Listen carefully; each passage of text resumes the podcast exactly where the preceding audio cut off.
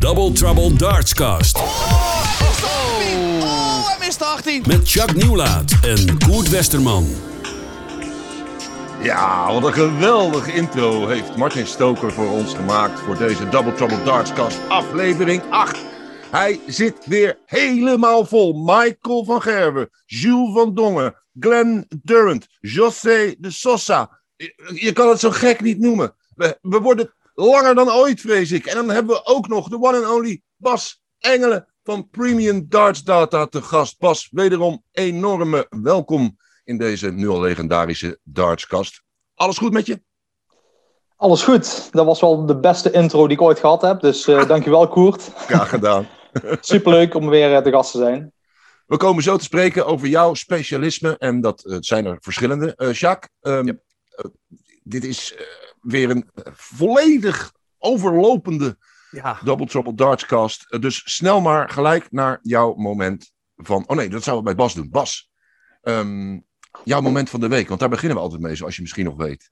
Ja, um, ja, het moet eigenlijk wel iets zijn wat met statistiek te maken heeft. En uh, mijn moment van de week is dan ook uh, uh, ja, het belachelijk hoge gemiddelde van José de Sosa in zijn wedstrijd tegen William Borland. Was tot nu toe het hoogste, ja, eigenlijk het nieuwe hoogste gemiddelde gegooid in de, in de PDC dit jaar, 127,01. Uh, om een indicatie te geven, het was een wedstrijd tot de 6. En hij won hem dus ook met 6-0. En uh, Borland, ja, de arme Borland, die kwam het dichtst bij een dubbel met een score van 86. De rest kwam hij niet eigenlijk om de 200, zeg maar. Nee. Um, ja, echt een, een hele goede wedstrijd. En um, ja, het tekent ook wel een beetje de vorm van deze man. En ja, wat hem ook wel een beetje ja, tekent, is dat hij de volgende wedstrijd dan verliest met 6-4 van ja. Justin Pipe. Met 30 punten, 30 punten gemiddeld minder per beurt. Dus dat is dan weer ja, ja. bijzonder. Toch zijn er in toenemende mate mensen die hem zelfs durven te vergelijken met Phil Taylor. Ik heb natuurlijk een grote hekel aan José de Sosa, want door die man sta ik echt ongelooflijk achter in onze onderlinge weddenschappen. Jacques, ja, jouw moment van de week, wat was dat? Ja, het was, had ook te maken met die Super Series, want uh, daar gooide de Sosa dus ook dat hoogste gemiddelde. En om nog maar even aan te geven hoe hoog dat gemiddelde is, hè, op tv hebben we nooit hoger gezien dan 123 en hij gaat daar dus overheen op een vloertoernooi. Uh, mijn uh, moment van de week was dit tweetje van Glenn Durant. Die zegt: uh, With regret, I've pulled out of the Pro Tour tomorrow. I'm battling with my own confidence demons right now. And after 30 years in housing. Hij was uh, ja, een soort makelaar. Uh, ja. Hij, ja, hij zegt: Ik heb nog nooit teruggetrokken van een uitdaging. Maar morgen ja, neem ik een ziektedag op. Hij heeft zich verontschuldigd bij de PDC en bij zijn sponsoren. Ja, hij trekt zich dus terug voor de laatste dag. Ik heb nog eventjes gekeken. Hij speelde natuurlijk wel de drie voorgaande dagen in die Super Series. Drie keer een gemiddelde tussen de 80 en de 83. Ja, dat is echt gewoon poep. Dat, dat, ja. ja, weet je, dat gooi ik ook op een normale dag. Dus dat is voor een professional gewoon echt te weinig. Uh, hij heeft nu inmiddels, en dat vond ik toch wel een schrikbarend aantal, 15 nederlagen op rij uh, op zijn naam staan. Uh, zijn laatste overwinning dateert van 17 maart. Dat is echt heel lang geleden. Kijk, het ging natuurlijk al niet goed met Durant. Uh, we hebben dat gezien in de Premier League natuurlijk. Maar hij is voorlopig nog niet uit het gat. En ik, je, je, moet je serieus zorgen maken om hem, denk ik. Want dat gaat ja. niet goed. gaat echt niet de goede kant op. Jacques, mag ik daar een vraag over stellen? Ja, mag uh, altijd. Uh, Durant, die, die zich dus terugtrekt. Ja. Hij was niet de enige nee. die bijvoorbeeld zo'n laatste dag dan uh, niet meer speelt. Mag dat zomaar? Kan dat zomaar? Nou, het mag niet zomaar, want je moet wel echt een goede reden hebben om dat te doen. Nou goed, ik kan me voorstellen in het geval van Glenn Durant dat ze hem een soort van gratie hebben verleend, omdat ja. ja de positie waar hij in zit. Um, ja, je, het kan bijvoorbeeld zo ook voorkomen dat er thuis iets gebeurt natuurlijk. Hè? Dat je snel naar huis moet. Uh, we hebben natuurlijk de afgelopen tijd wat corona-gevallen uh, ook weer gehad. Ook het afgelopen Super Series. Ja, dat zijn natuurlijk wel uh, redenen om naar huis te mogen gaan. Maar je kan niet zomaar je terugtrekken. Want ze willen gewoon spelen met een volledig speelveld van 128 spelers. En staat er dan een boete op als je dat toch doet, ja. zonder goede reden? Ja, okay. zonder goede reden terugtrekken krijg je automatisch een, een boete van de DRA. Zo okay. werkt dat. Dan Jouw weten we dat ook weer, hoe Koert? dat geregeld is. Ja, mijn moment van de week uh, kwam eigenlijk door vorige week. Ik moest, uh, met alle respect uiteraard, ontzettend lachen om de, de, naam van een Amerikaans toernooi. Nou, niet zomaar een Amerikaans toernooi, een kwalificatietoernooi. van de WDF, de Cherry Bomb. En ja, ik dacht gelijk aan de verkeerde dingen. Maar ik ben dat natuurlijk wel daardoor gaan volgen. En ik ben erachter gekomen dat een voormalig landgenoot van ons, Jules van Dongen, dat uh, heeft gewonnen. Hier uh, zit hij op Facebook en vertelt hij het. Het is een vertaalde tekst. Je lacht je helemaal gek als je dat vertaald ziet door, door Facebook. Want hij heeft bijvoorbeeld, uh, laten we zeggen, hij heeft het over match darts. En dan wordt het vertaald in het Nederlands door Facebook met luciferpijlen. Ik moest ontzettend lachen. Um, en nog wel, die sponsors die hij heeft, die vertaalt ook heel gek. Witte paarden darts. Het is White Horses Darts natuurlijk. Dat is een van zijn sponsors. Ik ben heel even ingedoken in uh, Jules van Dongen. Een uh, jongen geboren in Meersen in Limburg. Hij heeft uh, de hotelschool gedaan, denk ik. Of in ieder geval op de Hogere School Zuid gezeten. Afdeling Heerlen is, dacht ik, niet de hotelschool. Dat is meer Maastricht. Maar hij heeft daar facility management gestudeerd. Die is ook afgerond. Hij is toen uh, verhuisd uh, naar Amerika. Daar heeft hij een familieband mee. En hij is ook genaturaliseerd tot Amerikaan. Inmiddels is hij daar uh, getrouwd met Lisa. Hij heeft twee kleine kindertjes. Hij is heel succesvol in zijn werk. hij, is al, heeft al verschillende hotels gemanaged. Hij is nu hospitality manager bij een distilleerderij. Die maken whisky en gin. En, en nou, die, dat zijn natuurlijk ook stiekem een beetje af en toe zijn sponsors. Uh, maar Jules van Dongen die heeft dat toernooi gewoon gewonnen door uh, van David Lauby te winnen met 6-4 in de finale. Die naam kennen we natuurlijk, David Lauby. Den, Den, Den eens... Lauby. Ja, sorry, Den Lauby. Danny Lauby, ja. Um, die zien we wel eens voorbij komen op, uh, op toernooien op televisie. Um, het mooie is dat zijn bijnaam is toch nog de Dutch Dragon. Dus hij heeft echt nog wel een band met Nederland. Maar hij is ontzettend trots dat hij dat gewonnen heeft. Want het betekent ja. dat hij uh, naar, de, uh, uh, naar Assen komt. Ja. Hij heeft zich gekwalificeerd voor Asses, ja. We gaan die man in het echt zien. Ja, alle winnaars van de WDF gerankte toernooien... die plaatsen zich automatisch voor de World Masters. Dat zijn de nieuwe regels. dat geldt voor alle bronzen toernooien. Zilveren toernooien zijn de finalisten zelfs. En voor de gouden toernooien de halve finalisten ook nog. Maar dit was een bronzen toernooi, dus die moest je winnen. Hij heeft hem gewonnen, dus hij, hij, hij, gaat een soort van terug naar huis komen. En, en met name daar was hij erg trots op. Ja. Je hebt trouwens wel goed graafwerk gedaan, Koert. We're very well done, Mr. Jules Van from Kansas City. And we like to uh, see you at Essen. Hij praat nog gewoon Nederlands hoor, maar uh, ik vond het wel even leuk. Internationaal. Ik vind het zo leuk dat er ineens zo'n... Die man komt ineens als een cherrybom komt hij uh, ons leven binnen. Ik vond het geweldig. Goed, dat was dus mijn moment, maar meer man van de week naar de actualiteit. En daar ben jij erg sterk in, Bas. Uh, met je premium darts data. Jij hebt uh, eens gekeken naar de Super Series en uh, ook naar de lijntjes die natuurlijk met die Super Series liggen, naar de World ehm, Match Play. vertel, wat heb je allemaal gevonden? Um, ja, ja, het is nu eind juni, bijna begin juli. En dan ja, wordt er toch gepraat en gespeculeerd over, over de World Match Play en vooral wie mag er meedoen. En grotendeels zijn we er wel over uit. De, de, eh, de 16 beste spelers van de uh, Order of Merit die uh, doen mee. En uh, ja, er zijn eigenlijk al 15 man 100% zeker van deelname. er zijn nog twee mensen die nog ja, net eruit gewipt kunnen worden. Of één van de twee kan net uitgewipt worden. Dat is Johnny Clayton of Ian White. En de reden hiervan is, ja, er, er zijn nog vier toernooien te spelen met een hoofdprijs van 10.000 pond per toernooi. Dus uh, stel Ian White uh, wint een toernooi van 10.000 pond en uh, Johnny Clayton gaat er vier keer in de eerste ronde uit, dan jumpt Ian White net over Johnny Clayton heen. ja, ze, even, ja, even, voor de duidelijkheid voor de mensen die Spotify luisteren en de, de kaart niet zien, dus niet op YouTube kijken of luisteren. Je hebt nu een kaart laten zien met de beste 16 van de normale Order of Merit. Ja. Die zijn dan gekwalificeerd. Maar er moeten nog 16 bij. En daarvoor pakken ze de ranglijst van de vloertoernooien. Uh, iedereen die al gerankt is uh, binnen de eerste 16 van de normale Order of Merit, wordt daaruit weggestreept. En dan komen, komen daar 16 namen, uh, met wat Nederlanders gelukkig ook, naar boven, die ook naar de Winter Gardens mogen. Hè?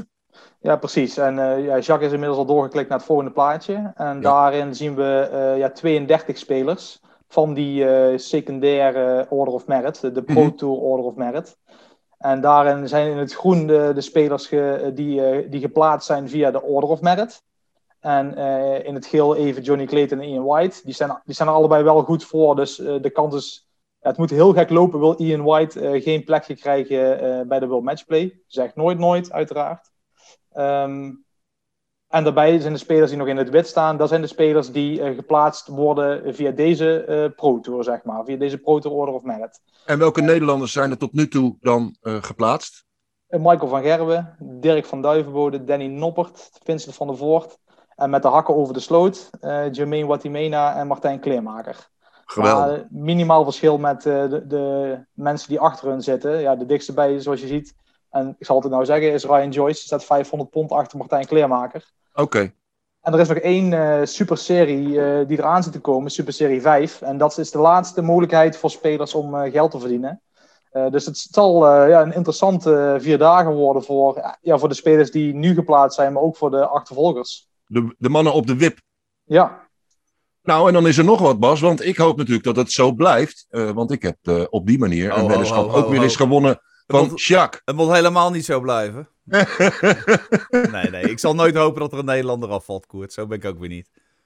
Nou, het allermooiste wat je denk ik gemaakt hebt, Bas, is uh, hoe het zou kunnen gaan lopen. De meest waarschijnlijke route bij die Super Series 5. Vertel. Ja, ja, uiteindelijk is het natuurlijk koffiedik kijken, maar ja, als je al die statistieken hebt, dan kun je wel een voorspelling doen. En ik heb dan hier een voorspelling gemaakt van de eh, 16 spelers die op basis van wat ze verdiend hebben uh, dit jaar uh, tijdens de 16 Players Championships, wat ze gemiddeld per toernooi verdienen. Ja. ja, daar staat ook heel in het grijs bij, omdat het eigenlijk gaat om die grote getallen. Er staan hier eigenlijk de spelers die ja, de, de, de plekken winnen in de, in de World, voor de World Matchplay. En dan zie je dat eigenlijk weinig verandert. Uh, ja, omdat eigenlijk de, de, namen die hier staan niet heel veel geld verdienen uh, op die, uh, ja, voor die Order of Merit. Alleen Dirk, die eigenlijk constant ja, het goed doet, samen met Brandon Dolan. Maar die zijn eigenlijk al, dat is nummer 2 en nummer 3 op deze lijst, die zijn al nagenoeg, ja, die zijn eigenlijk al zeker van de plaatsing. En de spelers die eigenlijk ja, gek kunnen doen, om het zo maar te zeggen, zo'n Ryan Joyce, Jamie Hughes, Steven Bunting, die zitten allemaal onder de 1000 pond wat ze gemiddeld verdienen. En dat is niet genoeg om die brug ja, te dichten. Ja, goed. Er Duidelijke taal. Er zitten ook wel een paar spelers aan de onderkant. Ik zeg even Jermaine wat hij meena, die 531 pond gemiddeld verdient. Ja, als die weer zo'n slechte run heeft en uh, Jamie Hughes, ik noem maar even iemand, die pakt ineens wel een halve finale, dan kan het natuurlijk wel hard gaan. Achterstand is niet zo groot. Nee, dat klopt. Want als je de laatste 16 haalt, dan zit je al op 1500 pond. Ja, dat is voor deze man al een verdubbeling wat ze normaal halen, om het zo maar te zeggen, per toernooi. Alleen ja, probleem daarna is als ze de volgende ronde weer eruit gaan, of in de volgende toernooi in de eerste ronde eruit gaan, ja, wordt dat weer gehalveerd. Dus we moeten echt wel vier supergoeie dagen hebben. Maar um, ja, dat geldt eigenlijk voor iedereen. De druk komt erop en dat betekent altijd dat het leuk en spannend wordt. Sowieso. Ja. Sowieso. Trouwens, uh, ik keek nog even net naar die Order of Merit. Daar gaan we het straks misschien nog wel over hebben. Maar die Dirk van Duivenbode, is inmiddels de tweede Nederlander, Sjaak. Ja. En, dat, kan consequenties hebben voor het mooiste toernooi dat er bestaat. nou ja, ik weet niet welk jij het mooiste toernooi vindt dat er bestaat. Ik vind dat gewoon het WK. Maar jij doelt misschien op de World Cup. Uh, als, Zeker, uh, waarin het ja, Nederlands... oranje gevoel. Ja, oranje gevoel. Ja, Nederlands koppel op dit moment is Van Gerwen en Van Duivenbode. Dus... Hoi man. En ik denk dat dat, als ik heel eerlijk ben, als je kijkt naar de vorm van alle Nederlanders dat het het beste koppel is wat we op dit moment ook hebben. Dus het zou uh, volgens mij gewoon verdiend zijn ook als die spelen. Ik zie die twee slopers al naast elkaar staan. Elkaar de hele tijd opjutten en, en, en met vuistjes en van yes! Dat wordt wat hoor, die twee. met opkomst, opkomstnummer van Dirk erbij. Ja, geweldig toch? en aan het eind het Wilhelmus. Ja, ja, ja, ja, Geweldig. Hey, um, nou, duidelijke analyse Bas. Uh, Sjaak, met jou eventjes de afgelopen week doornemende. Ja. Uh, voordat je dat doet. Ik, heb, uh, ik krijg heel veel goede reacties van dat we af en toe ook over het paradarten hebben. Die hebben natuurlijk hun eigen toernooiseries, maar die hebben ook hun winnaars. Die doen dat een soort van per maand. En in de World Paradarts in juni uh, je moet je onderscheid maken tussen zittend en toch staand. Dat zijn mensen die wel in, in, weliswaar in een rolstoel zitten of, of gehandicapt zijn, als je dat tegenwoordig nog zo mag zeggen. Maar die wel staand kunnen gooien. Uh, in juni was Vinnie Dont uit België de uh, baas uh, bij de zittende spelers.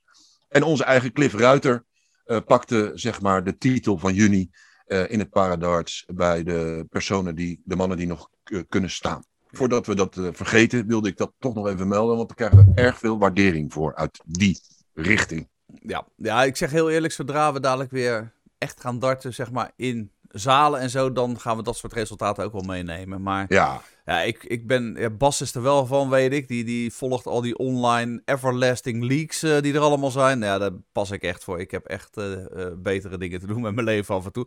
Bijvoorbeeld, we hadden het er al even over gehad. Deze man, hij won eh, Players Championship 15 en die viel nog in Super Series 4. Daar hadden we het al even over gehad. En die hoort bij onze weddenschap, komen we daar ook nog op terug. De Sosa liever niet. Jacques Nieuwlaat, 1-0. En dan deze man, Peter Wright. Toch weer Peter Wright, hè? Hij wint dan Ja. toch gewoon weer zo'n Super Series toernooi. Hij gooit soms dramatisch slecht en dan soms toch ook weer fantastisch goed. En eh, hij had het nu eh, toch weer een dag te pakken en dan, dan verslaat hij toch iedereen. Eh, hij blijft moeilijk te voorspellen, Bas, of niet? Ja, onbegrijpelijk. Want wa- wat jij zegt, dat klopt. Want hij verliest eh, op dag 1 verliest hij in de eerste ronde van Mike Kuivenhoven. eh, met 89 gemiddeld. Dag 2 de tweede ronde uit tegen Josh Payne. Dan haalt hij die derde dag wel de kwartfinale. Je ziet eigenlijk echt een stijgende lijn. En dan die vierde dag vlamt hij eroverheen. Ja. Halve finale 7-0 en de finale ook eh, eh, 8-4. Het Echt lijkt alsof hij dan weer een ander setje pijlen pakt. En dat, dat setje Ja. valt dan ineens weer goed. En dan, ja, het, het blijft fascinerend natuurlijk. Maar ik vind het wel knap, hè. Want Wright, het is een 19e Players Championship die hij wint.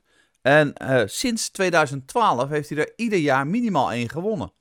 Dat is echt, dat is tien jaar inmiddels, hè. Tien jaar op rij dat hij er gewoon ieder jaar eentje wint. En er zijn er, ik heb het niet nagekeken, maar ik denk niet dat er heel veel zijn die dat hem na kunnen zeggen. Dus ja, je moet toch ook wel respect hebben voor de man, vind ik. Eh, Nou ja, eh, jij eh, zaagde natuurlijk net en passant Bas even af dat je betere dingen te doen had in je leven dan kennelijk Bas. Hij was hier zichtbaar niet beledigd over. Dat is straks, als deze sessie voorbij is, zal hij daar dan wel weer ehm, terecht boos over zijn. Jacques zegt Jij altijd volgt het wel. jij volgt het wel, Bas, en daar zijn we je dankbaar voor. Want da- daardoor heb jij ook voor ons eh, en onze luisteraars en kijkers relevante data van die Super Series 4. Vertel.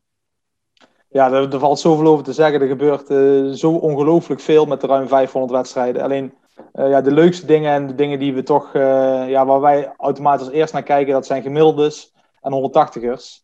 En eh, het is straks eigenlijk al genoemd. Het hoogste gemiddelde van, eh, van die vier dagen was eh José de Sosa. Die gooide 127,01. Eh, maar dan kijk je naar de, de, de top 10 en dan zie je Dave in thuis in terugkomen met 120 gemiddeld. Dat deed hij ook op dezelfde dag als eh, José de Sosa. Dus, dus het was ook een beetje lullig voor Chisnell, want die, die gooit 120 gemiddeld. En vijf minuten later een bord naast hem gooit de Sosa 7 punten hoger. Waardoor er eigenlijk geen aandacht was voor die, ik wil niet zeggen arme Dave Chisnell.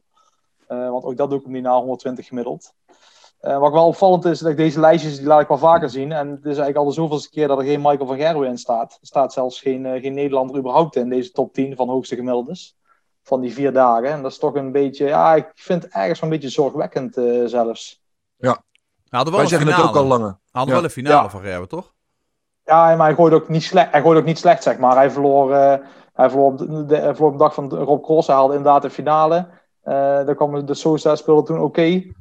Ehm, ja, het was eh, inderdaad eh, een beetje ongelukkig ook wel voor hem, eh, vond ik. Maar hij had nog steeds niet die turbo-knop, die heeft hij nog steeds niet echt aangezet. En helemaal niet over een, over een vier dagen achter elkaar, zeg maar. Ja, wat ik echt, echt gaaf vind in dit lijstje van top 10 is twee keer Adrian Lewis. Dat betekent, Ja. het gaat bij mij toch weer een klein beetje kriebelen dat ik denk van, hé, hey, Maar heeft die hij het echt gevonden? goed. Ja, die speelde ook echt goed. Die, die was ook echt goed. Alleen ja, dan niet echt het resultaat, zeg maar, eh, wat erbij hoort. Ja, En Aubergenius, hè, als nummer 2 van de 180ers in totaal gegooid. Ja, Aangevoerd inderdaad. door, eh, door José de Sosa. Die is Ja, is ongenaakbaar. maar daaronder staat dan toch Dirk van Duivenbode qua 180ers. Maar 66 over vier dagen. Ja, dat zijn, ja ik gooi ook competitie. eh dat, dat doe je over een heel jaar. En dan ben je blij als je, er- als je er een handje vol raakt. Ja. Ja, je gooit in vier dagen gooit er 66 in 16 wedstrijden. Ja. En, ja, daaronder komt inderdaad Dirk. Die heeft wel eh, op dit moment nog de, de meeste 180ers gegooid eh, ja, van de 16 players chips, zeg maar. Dirk heeft als enige speler eh, meer dan 200 180ers gegooid over deze 16 toernooien. 213 in totaal. Wauw. Ja, op twee een komt dan eh, de Sosa met 190. Maar eh, Dirk is nog steeds eigenlijk wel de koning van de 180ers. eh, ook al ja, de afgelopen, alleen de Super Series 4 dan niet. Oké. nou, duidelijk. Of had je nog wat? Oh ja. Ja, ja ik heb een klein, een klein lijstje. Om toch, ja, ik heb ook mooi oranje gemaakt. Eigenlijk in de prestatie van de Nederlanders tijdens de afgelopen Super Series. En eh, dat was eigenlijk de eerste keer dat eh, Michael Vergerber bovenaan de lijst staat. Ik heb het eigenlijk eh, verdeeld op basis van verdiende ponden. En eigenlijk als je een toernooi wint, sta je automatisch bovenaan. En Michael heeft er geen gewonnen. Hij heeft er slechts maar drie gespeeld. Uh, maar toch heeft hij het meest verdiend van, uh, van alle Nederlanders in totaal. Uh, ja, dat is toch hoopgevend, zeg maar. Ook zijn overal gemiddelde van 98,4 is gewoon supergoed. En ja, het probleem eigenlijk met Michael is, en dat, heeft hij, dat is eigenlijk zijn eigen schuld geweest, die heeft die lat in het verleden zo hoog gelegd dat je denkt van hmm, 98,4 overal. ja, dat is supergoed, maar ja, ik heb hem ook andere dingen zien doen. Ja. Ja, ja het blijft gewoon goed. Hè. 98, als je dat over een, een televisietoernooi kunt trekken, een heel toernooi, dan kun je gewoon een toernooi winnen. Hè. Ik bedoel, dat is, dat is in principe gewoon goed genoeg. Ja, Dirk, die gooit, Dirk is de man in vorm en die gooit dan vier punten lager dan Michael. Ja, ja. Ja, het, uh, ik vind het interessant. Vincent staat goed te spelen de laatste tijd. Uh, heel constant. Je ziet hem vaak wat afvlakken aan het einde van het toernooi. Maar dat zal nog te maken hebben dat het gewoon te lang duurt misschien uh, voor hem als hij meerdere dagen op rij moet spelen. Ja, en kleermaker, hè, dat is toch een beetje de coming man, uh, zou je kunnen zeggen. Die gaat zich misschien wel voor de matchplay plaatsen. Ja, dat zou wel een mooie revanche zijn, vind ik. Op het feit dat hij uh, het WK moest missen natuurlijk. Uh, ja. Dus ik, ik hoop voor hem echt dat hij het uh, gaat halen. En Kuivenhoven doet het ook de laatste tijd eigenlijk best goed. Dus uh, ja, mooi rijtje. Ja, ik maak me zorgen. Ik kijk dan naar het rechter rijtje. Voor de mensen die luisteren. Het rechter rijtje is waar de spelers staan die wat minder hebben verdiend en het wat minder goed hebben gedaan. Daar zie ik staan Jeffrey de Zwaan, Jermaine Watimena, Jelle Klaassen. Alle drie onder elkaar. Twee wedstrijden ge gewonnen van de zes. Duizend pond verdiend. En gemiddeldes met name, die toch echt zorgen baren. Die komen gewoon niet boven de 88 uit. Nee. En dat nee, is dat, wel dat echt zorgwekkend, vind ik. Ja, dat is zeker. Zeker omdat je ja, toen Raymond afscheid ging nemen voor de eerste keer. Toen uh, had je toch een beetje in je hoofd van ja, deze drie namen, of één van die drie, die gaat toch wel uh, uh, ja, op die kar springen om het stokje proberen over te nemen. En in eerste instantie was dat Jeffrey ook die dat deed, alleen de laatste tijd. En dan ja, deze, deze gemiddeldes ondertekende dat, zeg maar. ja, is dat eigenlijk niet gebeurd. Uh, Jermaine is wel heel veel het afvallen natuurlijk. Die is uh, heel gezond bezig.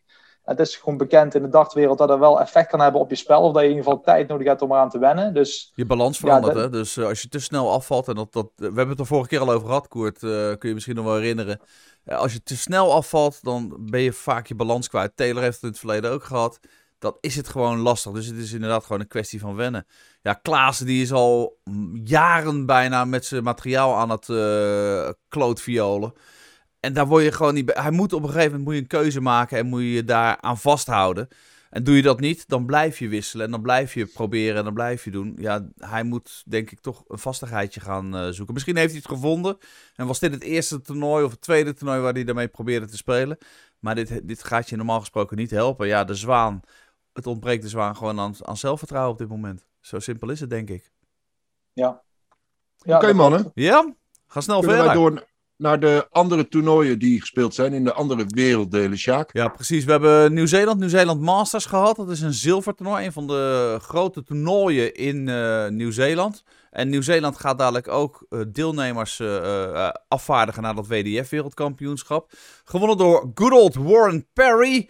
Die uh, loopt ook al 512 jaar en drie maanden mee. Dus uh, die won weer eens een keer het toernooi van al die jongelui. Ja, die komt echt binnen, nou ja, met de stok denk ik zo ongeveer inmiddels. Ja, die gooide echt in de jaren 80 al toernooien. Of in de jaren 70. Oh, geweldig. Ja. En gewonnen bij de dames. En dat is voor mij een nieuwe naam, moet ik heel eerlijk zeggen. Nicole Ragnall. Um, ja, we gaan het zien. We gaan haar dus ook zien op die World Masters. En je had het al even gezegd, Cherry Bomb International. Omdat het zo lekker klinkt, de Cherry Bomb International. Uh, gewonnen door Jules van Dongen. En uh, uh, Danny Warmuck won het damestoernooi daar. En dat waren ze. Ja, duidelijk. dan zijn wij nu toe aan de volgende, het volgende onderwerp. Wij doen ook altijd iets over de Dikke van Darten. Ons prachtig boek dat nog steeds te koop is via www.dikkevandarten.nl. Kun je het gewoon bestellen en heb je het in een paar dagen per post in je brievenbusje. Als dat een brievenbusje is dat groot genoeg is trouwens. Anders komt het gewoon als pakketje en wordt het bij je afgeleverd. Er is ook weer nieuws over de Dikke van Darten. Want inmiddels hebben een aantal, en best wel een groot aantal bibliotheken het boek aangeschaft om het in hun collectie op te nemen. Nou, ik ben niet echt een eigen pijper.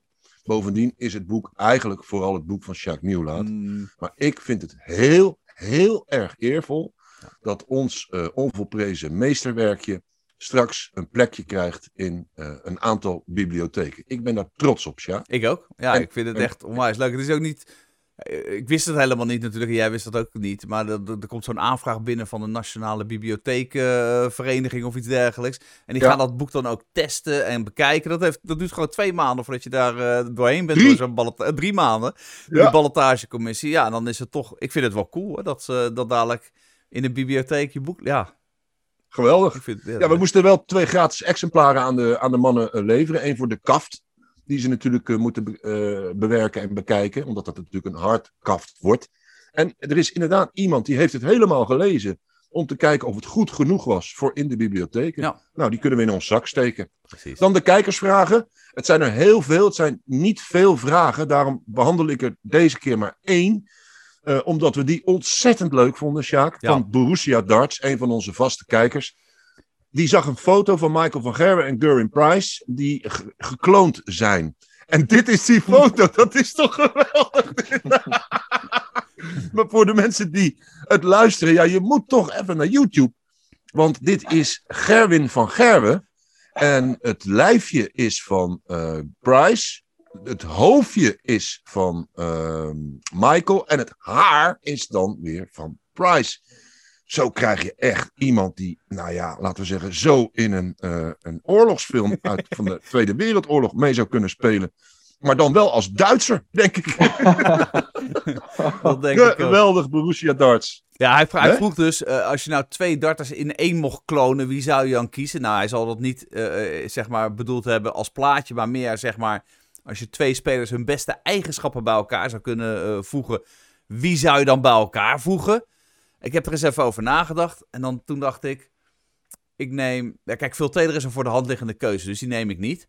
Maar ik neem dan eh, Eric Bristow, de grote Eric Bristow. Die kon namelijk voor mijn gevoel beter tegen druk dan welke andere speler ooit in de geschiedenis van het darten. En ik neem dan Adrian Lewis. Het, het, het gemak en het talent waarmee Adrian Lewis gooit, koppelen aan de ja, bijna onmenselijke druk waar Bristow tegen kon. Dat moet volgens mij de beste speler aller tijden opleveren. Tenzij Bas natuurlijk een ander idee heeft. Ja, ik, ik denk meteen aan Steve Beaton. Gewoon voor de vorm, voor de... Ja, ja heeft die man eigenlijk nog meer eh Gewoon omdat Steve nodig? Beaton is. Ja, omdat hij Steve Beaton is. Ja, wie zou ik er dan bij pakken? Ja, dat is, eh, ja, dan zou ik Michael pakken voor het talent, Michael van Gerwen. Ja, dan krijg je ook een fantastische speler. Zeker weten. En ik zou uiteraard Raymond pakken, want ik ben eh, nog steeds fan van Raymond van Barneveld. En we weten allemaal wat zijn zwakte is. Dat zegt hij ook zelf. Dus dan zoek ik eh, daarbij om te klonen iemand met een onverbiddelijke wedstrijdmentaliteit. Kom ik, chauvinistisch als ik ben, ook uit bij Michael van Gerben. Als je die twee zou kunnen combineren, dus de, de, de dodelijk, het, het, het talent om dodelijk te zijn en, en om direct, wanneer je maar wil, een, een 140er of een 180er te gooien. En dan de, de swing, zou ik het bijna willen noemen. De smooth swing van Raymond van Barneveld. En het eveneens aangeboren talent, net als bij Michael.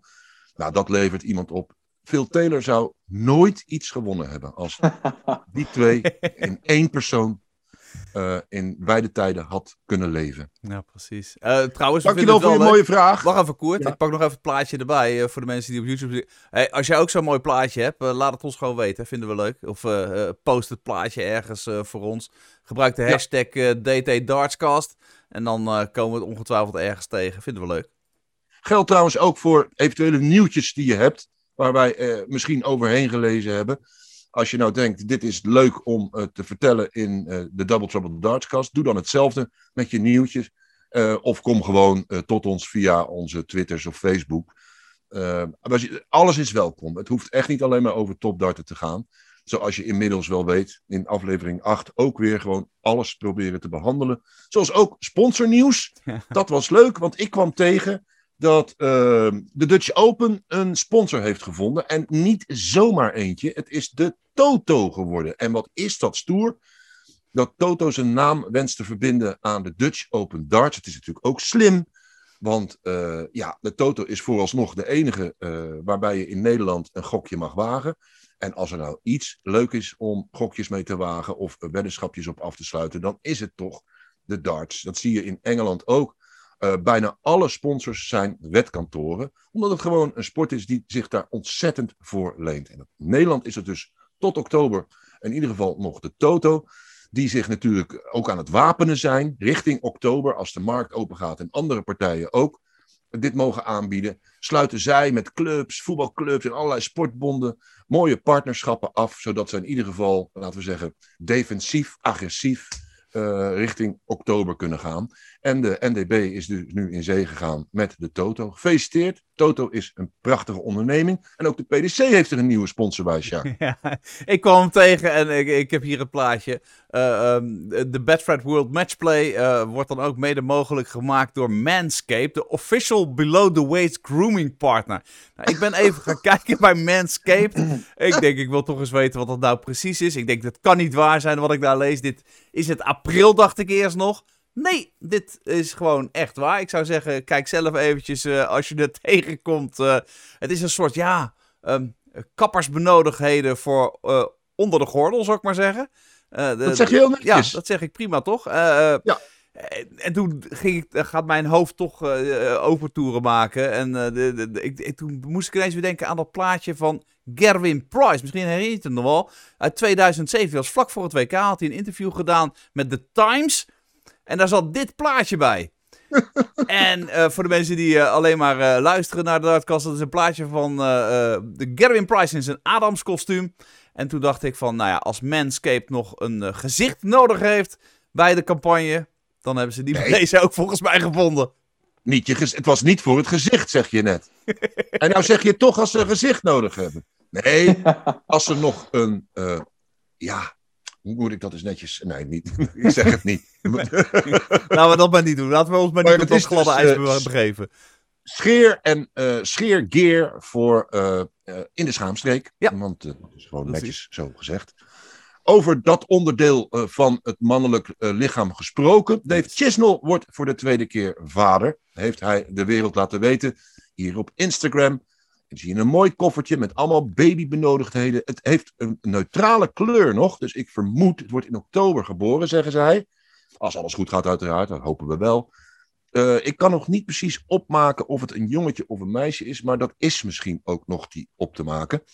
Uh, maar uh, dan weten de mensen die in de boulevardachtige zijde van het darten geïnteresseerd zijn, dat ook weer. En dan hebben we nog één dingetje over de Dutch Open. Die hebben niet alleen een nieuwe sponsor, maar Sjaak... Ja, de inschrijving is ook geopend. Hè? Dus uh, als je mee wil doen, Dutch Open. Het is echt een prachtig toernooi. September, begin september wordt het gespeeld dit jaar. Normaal altijd in februari. Uh, maar als je er een keer mee wil maken, dan uh, is dat een prachtig toernooi om bij te zijn. In de Bontewever in Assen. Ik zeg inschrijven met die hap. Het kan weer, dus waarom niet? We worden veel te lang. Ja. Uh, de wereldranglijsten, deze keer hebben we ze wel. Ja. Kun je er kort doorheen gaan, Sjaak? Ja, we gaan daar heel kort doorheen. Want inderdaad, uh, we hebben ze wel. Het was al een tijdje geleden dat we ze behandeld hadden. Dus uh, de Order of Merit. We hadden het er al heel eventjes over gehad, hè Bas. dit is de Order of Merit, de top 32 in ieder geval tot nu toe. Een paar kleine dingetjes zijn er veranderd. Niet zo heel veel. Michael Smith is uh, ten opzichte van begin mei, want we hebben het voor de laatste keer behandeld, is Dave Chisnell voorbij. Dus die is uh, op plek 7 gekomen. José de Sosa staat voor het eerst in zijn carrière in de top 10 van de Order of Merit. Ian White, dat is het zorgenkindje een klein beetje. Uh, had twee jaar geleden een hele goede run. Waarin hij in vier Eurotour toernooien volgens mij twee won en twee finales haalde. Die worden dit jaar niet gespeeld, dus hij heeft dat ook allemaal niet kunnen verdedigen eigenlijk. En die zakt nu naar plek 16. En ja, top 16 is zeker van al die televisietoernooien.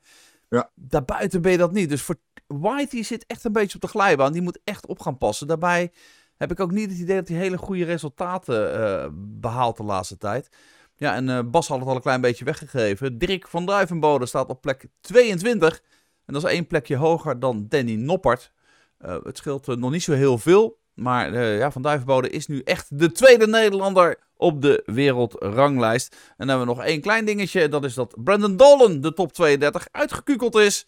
En Luke Humphries is daarin gekomen. En dan gaan we meteen door naar die andere dartwereld. En dat is de WDF dartwereld. Heb ik ook even de wereldranglijst bijgepakt. Ja, ze zijn natuurlijk weer begonnen met spelen daar. Zo, het is allemaal nog een beetje pril. Maar uh, om het klein beetje inzichtelijk te maken. De top 16, dat mag ik wel zeggen. Dat is een klein beetje een primeur die ik nu weggeef. Die gaat zich plaatsen voor het aankomende Lakeside uh, WDF Wereldkampioenschap. Uh, nice. en dat is dus het linker rijtje op dit moment. Ehm, de resultaten vanuit 2020, zeg maar voor de lockdown, die zijn blijven staan. Dus die zitten hier ook nog bij. En die blijven ook staan tot en met uh, december zeg maar, van dit jaar als de plaatsing voor het wereldkampioenschap een feit is. Dan zie je dat Warren uh, op 1 staat, Montgomery op 2, Jim Williams op 3 en Brian Raman, de Belg, staat op 4. Hoogste Nederlander is Chris Landman, die staat op uh, plekje nummer 6. Uh, maar daar gaan ongetwijfeld nog wel wat Nederlanders bij komen. Richard Veenstra staat nu nog op plek 21. Maar als dadelijk iedereen weer een beetje gaat spelen, zal hij ongetwijfeld wat omhoog gaan. Ja, en uh, hot binnen op plek 11, hè? Warren Perry! Hij Ja. is daar, ja. Hij staat er dan gewoon ook meteen in. En omdat we gelijkheid altijd eh, ook eh, tot ons kenmerk maken, Koert, heb ik natuurlijk Ja. ook voor jou de wereldranglijst van de dames erbij gepakt. Heel goed. Ik weet dat jij dat altijd wil. Dieter Hetman is daar de trotse koploper. En twee Nederlanders op plekken 2 en 3. Dat zijn Anka Zelstra en Eileen de Graaf. Waarbij de aantekening dat Eileen de Graaf sowieso al zeker is van het wereldkampioenschap. Want zij heeft een gouden toernooi gewonnen. Eh, en de winnaars en de winnaressen van de gouden toernooien plaatsen zich rechtstreeks voor het WK. Eh, dat, is, dat betekent dus dat als je echt een groot toernooi wint, Dutch Open bijvoorbeeld, British Open, England Open, dat soort toernooien, dat zijn er maar 11 geloof ik, in de hele wereld. Als je zo'n toernooi wint, dan word je goed ge- genoeg geacht om op het WK te mogen spelen. En dus Eileen de Graaf is al zeker van het WK. Eh, bij de dames zal de top 8 van de wereldranglijst zich gaan plaatsen voor dat eh, WK. Zo eh, eh, heb ik begrepen in ieder geval uit eh, de eh, correspondentie. Nog vragen, Koert? Nee, mooi dat, eh, dat ze ook een toernooi eh, wint dat bij haar status past. Want ik vind Eileen sowieso een gouden griet. Altijd al geweest. Dan hebben we ook nog een vast onderdeeltje. En eh, dat is meestal een onderdeeltje met een lach. Soms is het een onderdeeltje met een traan. Maar het is sowieso altijd een mooie herinnering. Ja, het is vandaag woensdag 23 juni. Ehm, en bij mijn zoektocht naar 23 juni kwam ik niet zo heel veel positieve dingen tegen. Een paar toernooien die tot de conclusie kwamen, maar nou niet echt iets waarvan ik dacht van daar wil ik het eens even over hebben. Eh, totdat ik deze man tegenkwam. Eh, geen idee of jullie deze man eh, kennen. Dit is Stefan Nudge. En eh, Stefan Nudge is een Zweed. Heeft eh, een aantal keren zich geplaatst voor het wereldkampioenschap. Drie keer in totaal, eh, om precies te zijn. Best wel ver uit elkaar gelegen. Want de eerste keer was in 1992. Dat was toen alle darters nog in één bond verzameld waren. In 2002 plaatste hij zich nog een keertje voor het WK. Had in 92 in de eerste ronde verloren. En hij lootte in de eerste ronde Gary Anderson. En Gary Anderson was op dat moment debutant op het WK. En iedereen dacht dat Gary Anderson hoge ogen zou gooien. Er was een geruchtenstroom op gang gekomen op Lakeside. Eh, een beetje geïnstigeerd door George Noble. George Noble had namelijk Gary Anderson bij een paar demonstraties in Schotland zien spelen. En die had tegen iedereen gezegd: Oh mijn god, die, die, die Schot, die kan alles. Die kan, die kan gewoon Lakeside winnen. Die is zo fantastisch goed. Die kan gewoon Lakeside winnen. Moet in de eerste ronde tegen Stefan Nudge. Deze Stefan Nudge. En Stefan Nudge wint die wedstrijd met 3-0. De eerste pijl op een dubbel die Gary Anderson krijgt, die verdwijnt in de band rond het dartbord. Niet eens in het dartbord, maar in de band rond het dartbord. Zo zenuwachtig was Gary Anderson. Scheidsrechter van die wedstrijd was George Noble. En die kon wel door de grond zakken, want iedereen in die zaal, die had natuurlijk naar hem geluisterd. Die hadden allemaal een paar pontjes gezet op eh, Gary Anderson die zou winnen. Maar het was Stefan Nudge die uiteindelijk die wedstrijd won. Dat was zijn hoogtepunt ook eigenlijk een beetje in het darten. Hij was eh, jarenlang Zweeds international. eh, echt gerespecteerd in de dartswereld. Tot 2006. Dan eh, krijgt hij een motorongeluk. en is hij verlamd vanaf de nek. Hij herstelt wel. Hij kan een half jaar ongeveer. Kan eh, absoluut niet lopen, zitten. Kan hij helemaal niks. Hij gaat een flink revalidatieproces in. Maar darten zal hij nooit meer. Ehm, en op het moment eigenlijk dat hij hersteld is, volledig hersteld is van dat motorongeluk, ja, krijgt hij eh, eh, ook nog eens eh, kanker. Ja, en vanaf dat moment, ja, is het, af, ja, is het eindig in principe voor Stefan Nudge. En Nudge komt dus op 23 juni, de dag van vandaag in 2016, te overlijden. Ik denk kortom een mooie dag om deze man te herinneren. Stefan Nudge, een, een, echt een hele leuke vent. en een sieraad voor de Zweedse dartsport. Mooi gesproken, Sjaak. We hebben nog maar heel kort de tijd, zie ik. Jij bent enorm uitgelopen in onze onderlinge weddenschappen. Ja. Heel erg knap. Gefeliciteerd daarmee. Ehm, we Ja, doen maar- even geen... Even voor de, voor de, even voor de duidelijkheid, voor de kijkers. Ik, de, de Sosa won nog een Players Championship, dus daarmee kwam ik op 2-0. Wat was Nederland tegen Oostenrijk geworden? Want dat heb ik... Dat heb ik niet gezien. Ik zat lekker Dart Connect te Oh. kijken. Nee hoor, dat, eh, had, dat had je ook goed. Echt waar? Oh, dat wist Ja. ik nog niet eens. Kun je nagaan. Dus dat is 3-0 voor mij. Ik Zeker, dat Toto wie gaat sponsoren binnenkort. Ja, zeker te weten. Ik zat precies hetzelfde te denken, Bas. Ehm, over jou en tegen jou gesproken, Bas. Hartstikke bedankt voor je rijke bijdrage weer aan deze achtste aflevering van de Double Darts, eh, da- eh, Double, Double Trouble Dartscast. Sorry. Ik ben namelijk eventjes eh, van mijn apropos. Want ik zie hier in het draaiboek dat we er twee weekjes tussenuit gaan. Sjaak, Yes. jij gaat eindelijk op vakantie. Eh, dat denk ik nu nog, hè. Overmorgen denk ik weg te gaan, maar dat heb ik al een Wat paar voor keer kleur is jouw gedaan. gebied? Hè? Wat voor kleur is jouw gebied? Ah, eh, het is nog geel. Oké. maar dit is, ik, heb, ik heb deze vakantie vier keer verzet inmiddels. Dus het kan nog altijd weer oranje worden. Afschuwelijk, afschuwelijk. Ik wens jou ongelooflijk veel plezier op vakantie. Ja. Ik ben gewoon thuis, dus als je vragen hebt, opmerkingen of leuke fotootjes, je mag me op sociale media altijd mee lastigvallen. Was bedankt. Sjaak, fijne vakantie. Kijkers en luisteraars, gaan jullie op vakantie? Wens ik ook jullie namens de helden van deze Dartskast een fijne vakantie. En over twee weken, dan zijn we er weer. Tot dan. Double Trouble Dartscast. Kijk en luister je op YouTube en via Spotify.